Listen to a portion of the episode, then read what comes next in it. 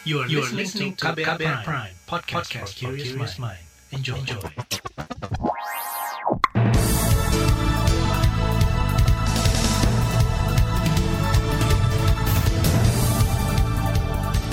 Selamat pagi, saudara. Senang sekali kami bisa menjumpai Anda kembali melalui program Buletin Pagi KBR edisi Rabu 24 Februari 2021 bersama saya Agus Lukman. Sejumlah informasi pilihan telah kami siapkan, di antaranya pemerintah tegaskan tidak akan kompromi dengan para pelaku pembakaran hutan dan lahan. Pemerintah juga berpeluang mengembangkan food estate di provinsi lain. Banyak warga Balikpapan menolak vaksinasi karena kurangnya sosialisasi. Inilah buletin pagi selengkapnya. Terbaru di buletin pagi. Saudara Presiden Joko Widodo menegaskan tidak akan kompromi dengan para pelaku pembakaran hutan dan lahan. Saat membuka rapat koordinasi nasional penanganan kebakaran hutan dan lahan di Jakarta pekan ini, Jokowi juga mengingatkan para menteri dan penegak hukum untuk memberikan hukuman tegas bagi pelaku pembakaran hutan dan lahan. Terakhir, saya minta langkah penegakan hukum dilakukan tanpa kompromi. Saya kira Pak Kapolri sudah tahulah apa yang harus dilakukan di sini karena kita sudah pengaman kemarin-kemarin sudah melakukan itu. Penegakan hukum yang tegas kepada siapa pun yang melakukan pembakaran hutan dan lahan, baik itu di konsesi milik korporasi, milik perusahaan maupun di masyarakat. Tapi ini semuanya sudah tahu, sehingga ada betul-betul efek jerak. Terapkan sanksi yang tegas bagi pembakar hutan dan lahan, baik saksi administrasi, perdata maupun pidana. Presiden Joko Widodo mengingatkan para pejabat, menteri, dan juga pemangku kebijakan di daerah untuk memperketat pengawasan terhadap kebakaran hutan dan lahan, terutama menjelang musim kemarau yang diperkirakan akan jatuh pada Mei mendatang. Peningkatan upaya kesiapsiagaan ini penting agar tidak terjadi kebakaran hutan dan lahan yang besar dan membuat malu negara pada saat digelarnya pertemuan tingkat tinggi atau KTT ASEAN ASEAN Summit 2021. Sementara Menteri Koordinator Bidang Politik Hukum dan Keamanan Mahfud MD mengklaim pemerintah sudah melakukan deteksi dini terjadinya kebakaran hutan dan lahan. Dan Mahfud beralasan jika titik api terdeteksi lebih awal maka langkah pemadamannya akan semakin mudah. Selain itu, deteksi dini dilakukan agar peristiwa kebakaran hutan dan lahan yang terjadi secara besar-besaran tidak terulang dan tidak ada keluhan dari negara tetangga bahwa pengendalian karhutla harus dikedepankan upaya pencegahan melalui A. Deteksi dini hotspot dan fire spots, monitoring rutin dan patroli terpadu. B. Penataan pengelolaan ekosistem gambut dengan pengendalian hidrologi. C. Pengendalian dan pemadaman segera di setiap titik api yang muncul sehingga tidak menjadi besar. Penetapan siaga darurat lebih dini dan peningkatan koordinasi. Menteri Koordinator Bidang Politik Hukum dan Keamanan Mahfud MD menambahkan pemerintah juga menyiapkan sarana dan prasarana serta sumber daya manusia untuk pemadaman sebagai solusi permanen menghadapi kebakaran hutan dan lahan. Mahfud juga mengingatkan sejumlah wilayah di Indonesia untuk memberikan perhatian lebih karena rawan dengan bencana kebakaran hutan dan lahan seperti Riau, Jambi, Sumatera Selatan, Lampung, Jawa, dan Bali, Nusa Tenggara, Sulawesi Selatan, dan Papua bagian selatan.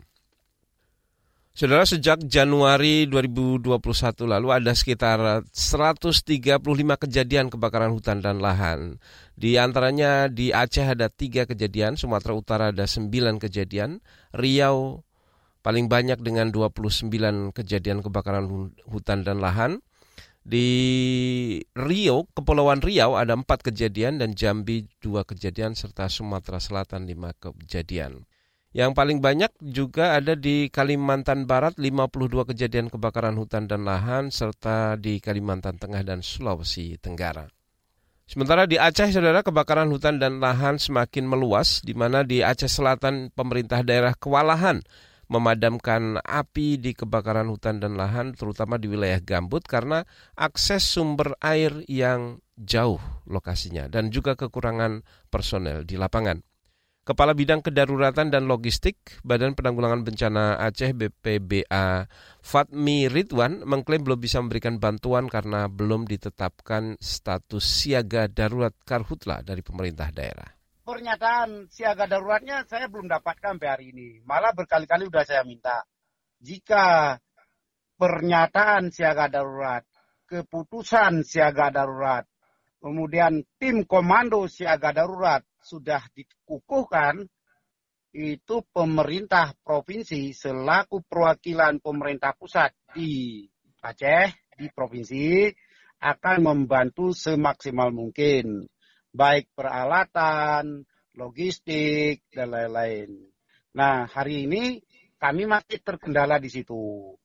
Nah, untuk mendukung operasional di sana. Itu tadi Kepala Bidang Kedaruratan dan Logistik Badan Penanggulangan Bencana Aceh, Fatmi Ridwan. Saudara luas lahan yang terbakar di Kabupaten Aceh Selatan mencapai 60 hektar lebih dan salah satu titik api bahkan terdeteksi di Kecamatan Trumon yang merupakan koridor kawasan Taman Nasional Gunung Leuser. Sementara di Riau, Saudara Badan Penanggulangan Bencana Daerah BPBD Riau mengakui adanya kebakaran hutan dan lahan di wilayah itu disebabkan sebagian besar oleh ulah manusia. Kepala BPBD Riau Edward Sanger mengatakan BPBD Riau tengah fokus melakukan langkah mitigasi seperti sosialisasi, pembuatan embung, dan pembasahan lahan gambut.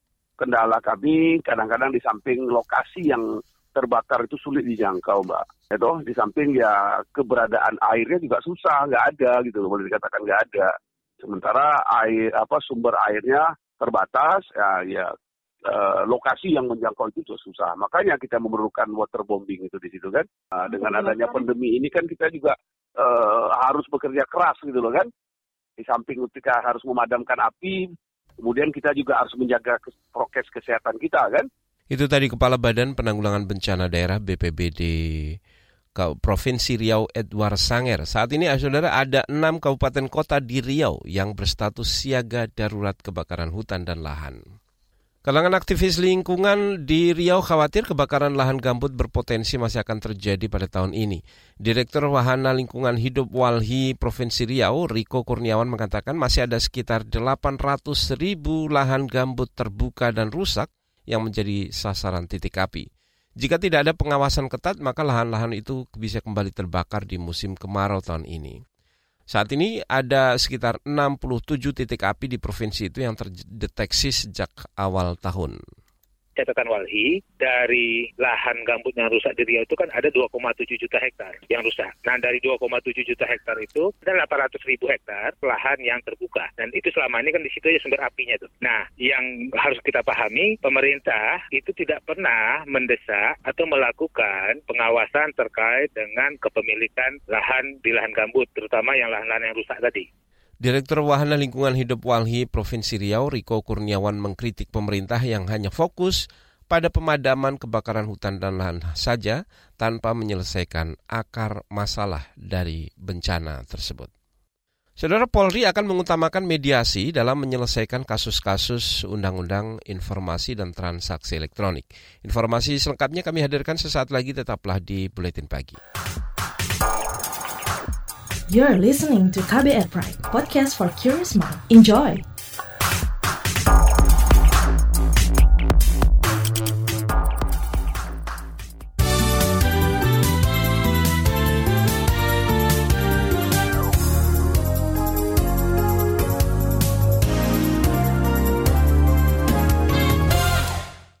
Saudara, Presiden Joko Widodo membuka peluang penambahan lokasi lumbung pangan atau food estate di provinsi lain. Saat ini Indonesia memiliki tiga lokasi lumbung pangan yang tersebar di Kalimantan Tengah, Sumatera Utara, dan Nusa Tenggara Timur. Saya meyakini food estate yang ada di Kalimantan Tengah, food estate yang ada di Sumatera Utara, dan juga food estate yang ada di NTT ini akan bisa kita membangun sebuah ketahanan pangan yang baik untuk negara kita dan nanti akan kita fotokopi untuk juga di provinsi-provinsi yang lain yang memiliki kesiapan. Presiden Joko Widodo juga memerintahkan Menteri Pekerjaan Umum dan Perumahan Rakyat Basuki Hadi Mulyono untuk membangun bendungan, terutama untuk irigasi di Provinsi Nusa Tenggara Timur. Waduk ini diperlukan guna menyukseskan program lumbung pangan atau food estate. Selain waduk, Jokowi juga meminta Kementerian Pertanian untuk membantu kekurangan alat dan mesin pertanian. Saudara Markas Besar Kepolisian memastikan penindakan pidana dalam Undang-Undang Transaksi Undang-Undang Informasi dan Transaksi Elektronik atau Undang-Undang ITE adalah langkah terakhir yang bakal ditempuh oleh polisi. Juru bicara Mabes Polri Argo Yuwono mengklaim akan mengutamakan mediasi dan edukasi jika ada laporan dugaan pidana Undang-Undang ITE. Polisi akan memberikan ruang mediasi bagi pihak yang bersengketa, yaitu antara pelapor dan terlapor. Hukum pidana yang dilakukan atau diproses itu adalah upaya-upaya terakhir upaya terakhir itu yang kita lakukan itu ya. Itu paling-paling paling akhir yang kita lakukan untuk melakukan penegakan hukum.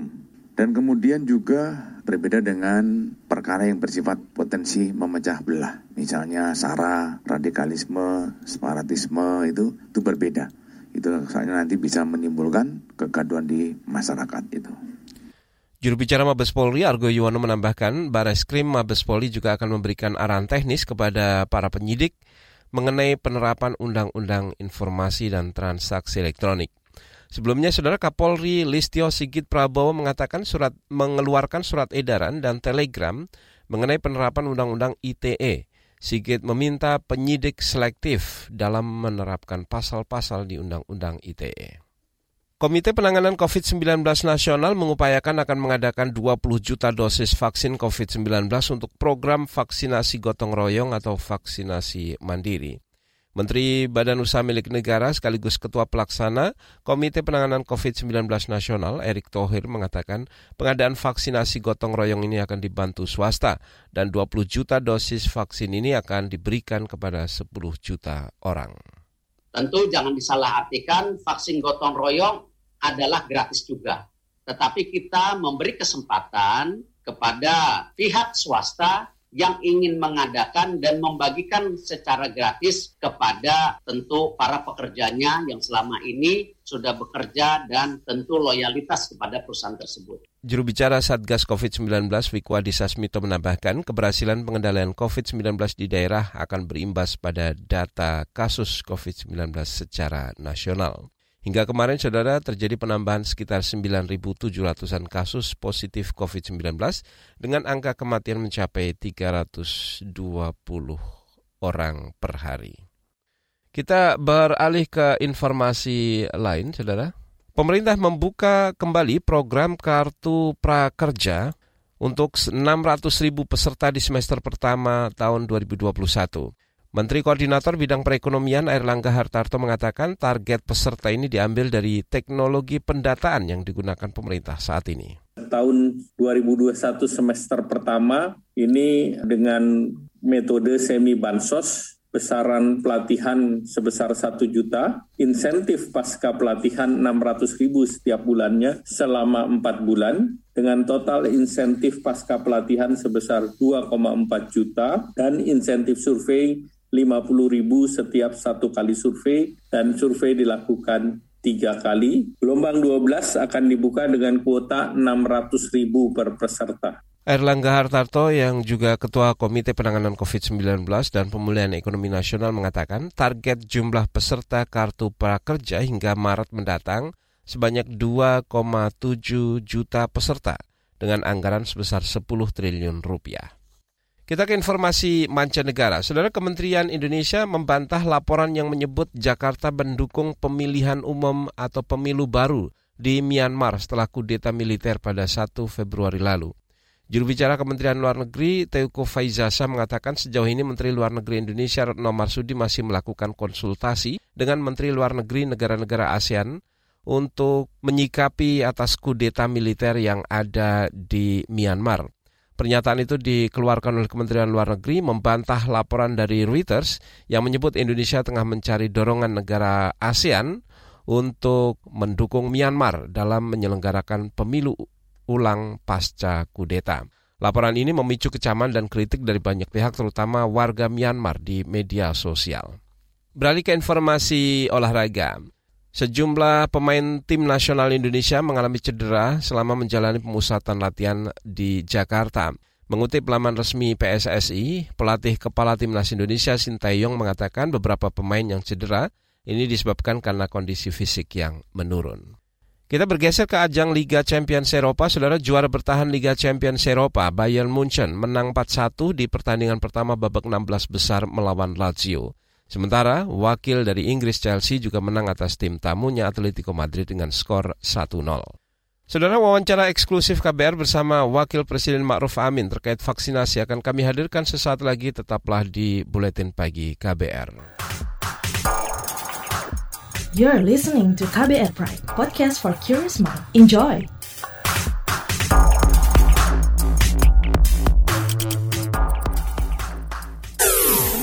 Break.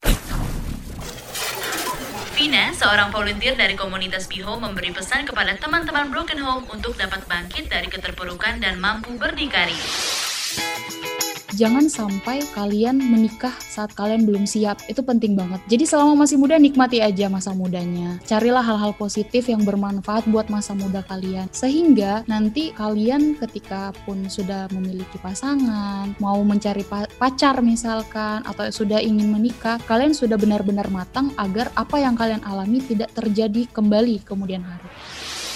Simak obrolan selengkapnya dalam podcast Disco Diskusi Psikologi dalam episode Bangkit dari Keterpurukan dan Berdikari di kbrprime.id dan platform mendengar podcast lainnya.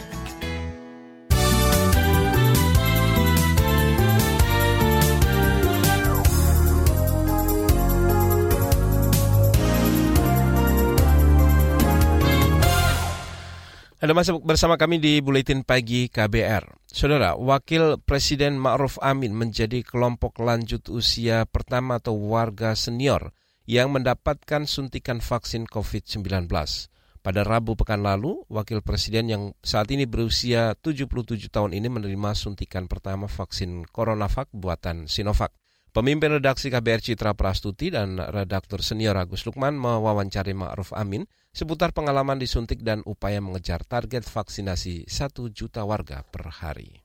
Pak Wapres kan baru divaksin pada tanggal 17 Februari lalu ya. Dan ya, sepertinya kondisinya sehat. Uh, mungkin bisa digambarkan sedikit bagaimana sih situasi di rumah atau di Bapak sendiri ketika Hamin satu sebelum vaksin? Pertama ya, saya kan tentu ingin divaksin. Ya, tapi kan saya harus menunggu klarifikasi dulu. Pertama, informasi yang pertama itu kan Sinovac ini untuk 18 sampai 59. Nah, saya ini di atas 59. Nah, ini vaksinnya seperti apa nanti? Ya. Ini ini yang pertama. Dan saya juga sudah tua, tentu banyak juga ada apalah kekurangan macam-macam itu. Karena itu saya menunggu klarifikasi baik dari Badan POM maupun juga dari tim uh, apa namanya itu ke, dokter kepresidenan seperti apa. Nah, pertama keluar dulu izin dari Badan POM. Berarti sudah bisa uh, usia lanjut divaksin dengan Sinovac dan memang menurut informasi uh, dampak apa samping efek sampingnya sangat kecil Sinovac ini, Sinovac ini. Yang kedua saya tentu dilakukan analisa oleh uh, tim kedokteran kepresidenan. Ya. Bahkan sebelumnya saya diperiksa dulu darahnya, di dianalisa dulu, periksa jantungnya, diperiksa semua, uh, sebelumnya kemudian setelah bahwa oke okay, ya maka kemudian saya diberitahu bisa divaksin jadi tahap-tahap itu kita kita ikuti dengan penuh kehati-hatian. Nah, bagaimana Pak Wakil Presiden melihat peran dari para ulama dan juga para tokoh masyarakat perannya di dalam sosialisasi uh, vaksin ini, Pak? Pertama tentu oh, Majelis Ulama sejak awal sudah dilibatkan untuk memberikan fatwa tentang kehalalan vaksin itu. Jadi ketika vaksin ini dipertanyakan oleh masyarakat selain efektivitasnya, ya, efikasinya, kemanjurannya, tapi kehalalannya. Di situ kemudian Majelis Ulama masuk dan menyatakan bahwa halal. Itu satu tahap. Yang kedua, untuk juga supaya masyarakat itu mau divaksin dan menganggap vaksin itu sebagai sesuatu keharusan, ya tidak saja kepentingan negara, tapi bagaimana pandangan-pandangan agama, maka para ulama melalui dakwah-dakwahnya, melalui uh, khutbah-khutbah jumahnya, maka dilibatlah selain Majlis Ulama juga pengurus besar Nahdlatul Ulama, Muhammadiyah, dan orang-orang yang lain. Nah, para ulama ini kemudian menyampaikan pesan-pesan tentang pentingnya vaksin, amannya vaksin, manfaatnya vaksin. Nah, secara masif.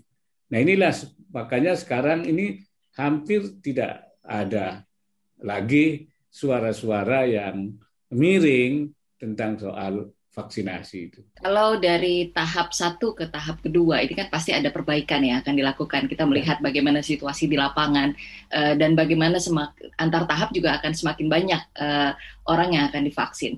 Antara tahap satu dan tahap kedua, perbaikan yang paling krusial itu apa menurut Bapak?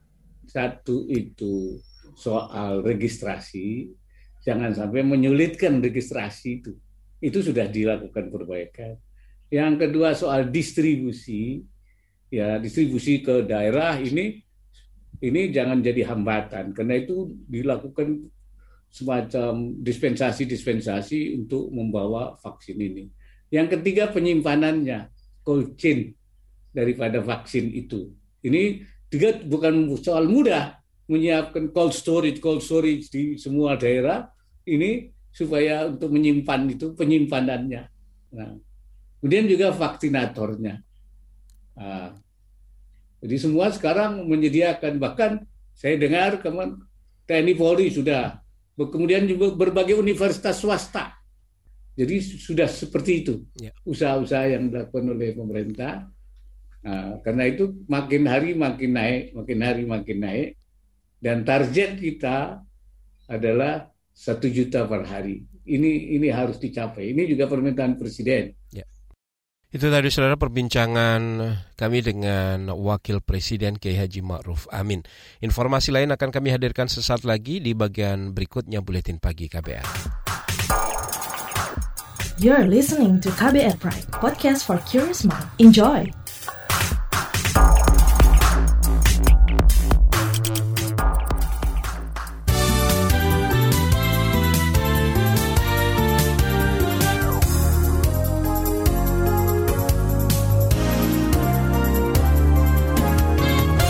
Saudara kita berada di bagian akhir buletin pagi KBR. Kita menuju ke Kalimantan Timur. Saudara, sejumlah warga kota Balikpapan menolak disuntik vaksin COVID-19.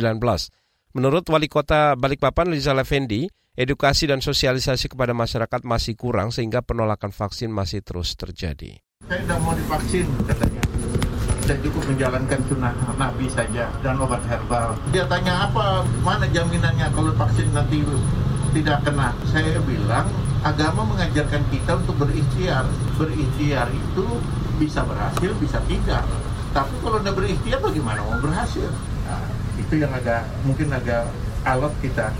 Mudah-mudahan tidak banyak gitu yang punya paham seperti itu. Wakil Wali Kota Balikpapan Rizal Effendi mengaku telah meminta Satgas Siaga COVID-19 di RT masing-masing untuk memberikan sosialisasi dan edukasi kepada warga. Kita ke Jakarta, pemerintah Provinsi DKI Jakarta memperpanjang masa pembatasan sosial berskala besar PSBB hingga 8 Maret mendatang. Dalam perpanjangan kali ini, Gubernur Jakarta Anies Baswedan mewaspadai potensi penularan saat banyak gelombang pengungsi akibat banjir melanda. Saudara informasi tadi menutup jumpa kita di buletin pagi hari ini. Pantau terus informasi terbaru melalui kabar baru, situs kbr.id, Twitter kami at berita KBR, serta di podcast kami di kbrprime.id. Akhirnya saya Agus Lukman, kami undur diri. Salam.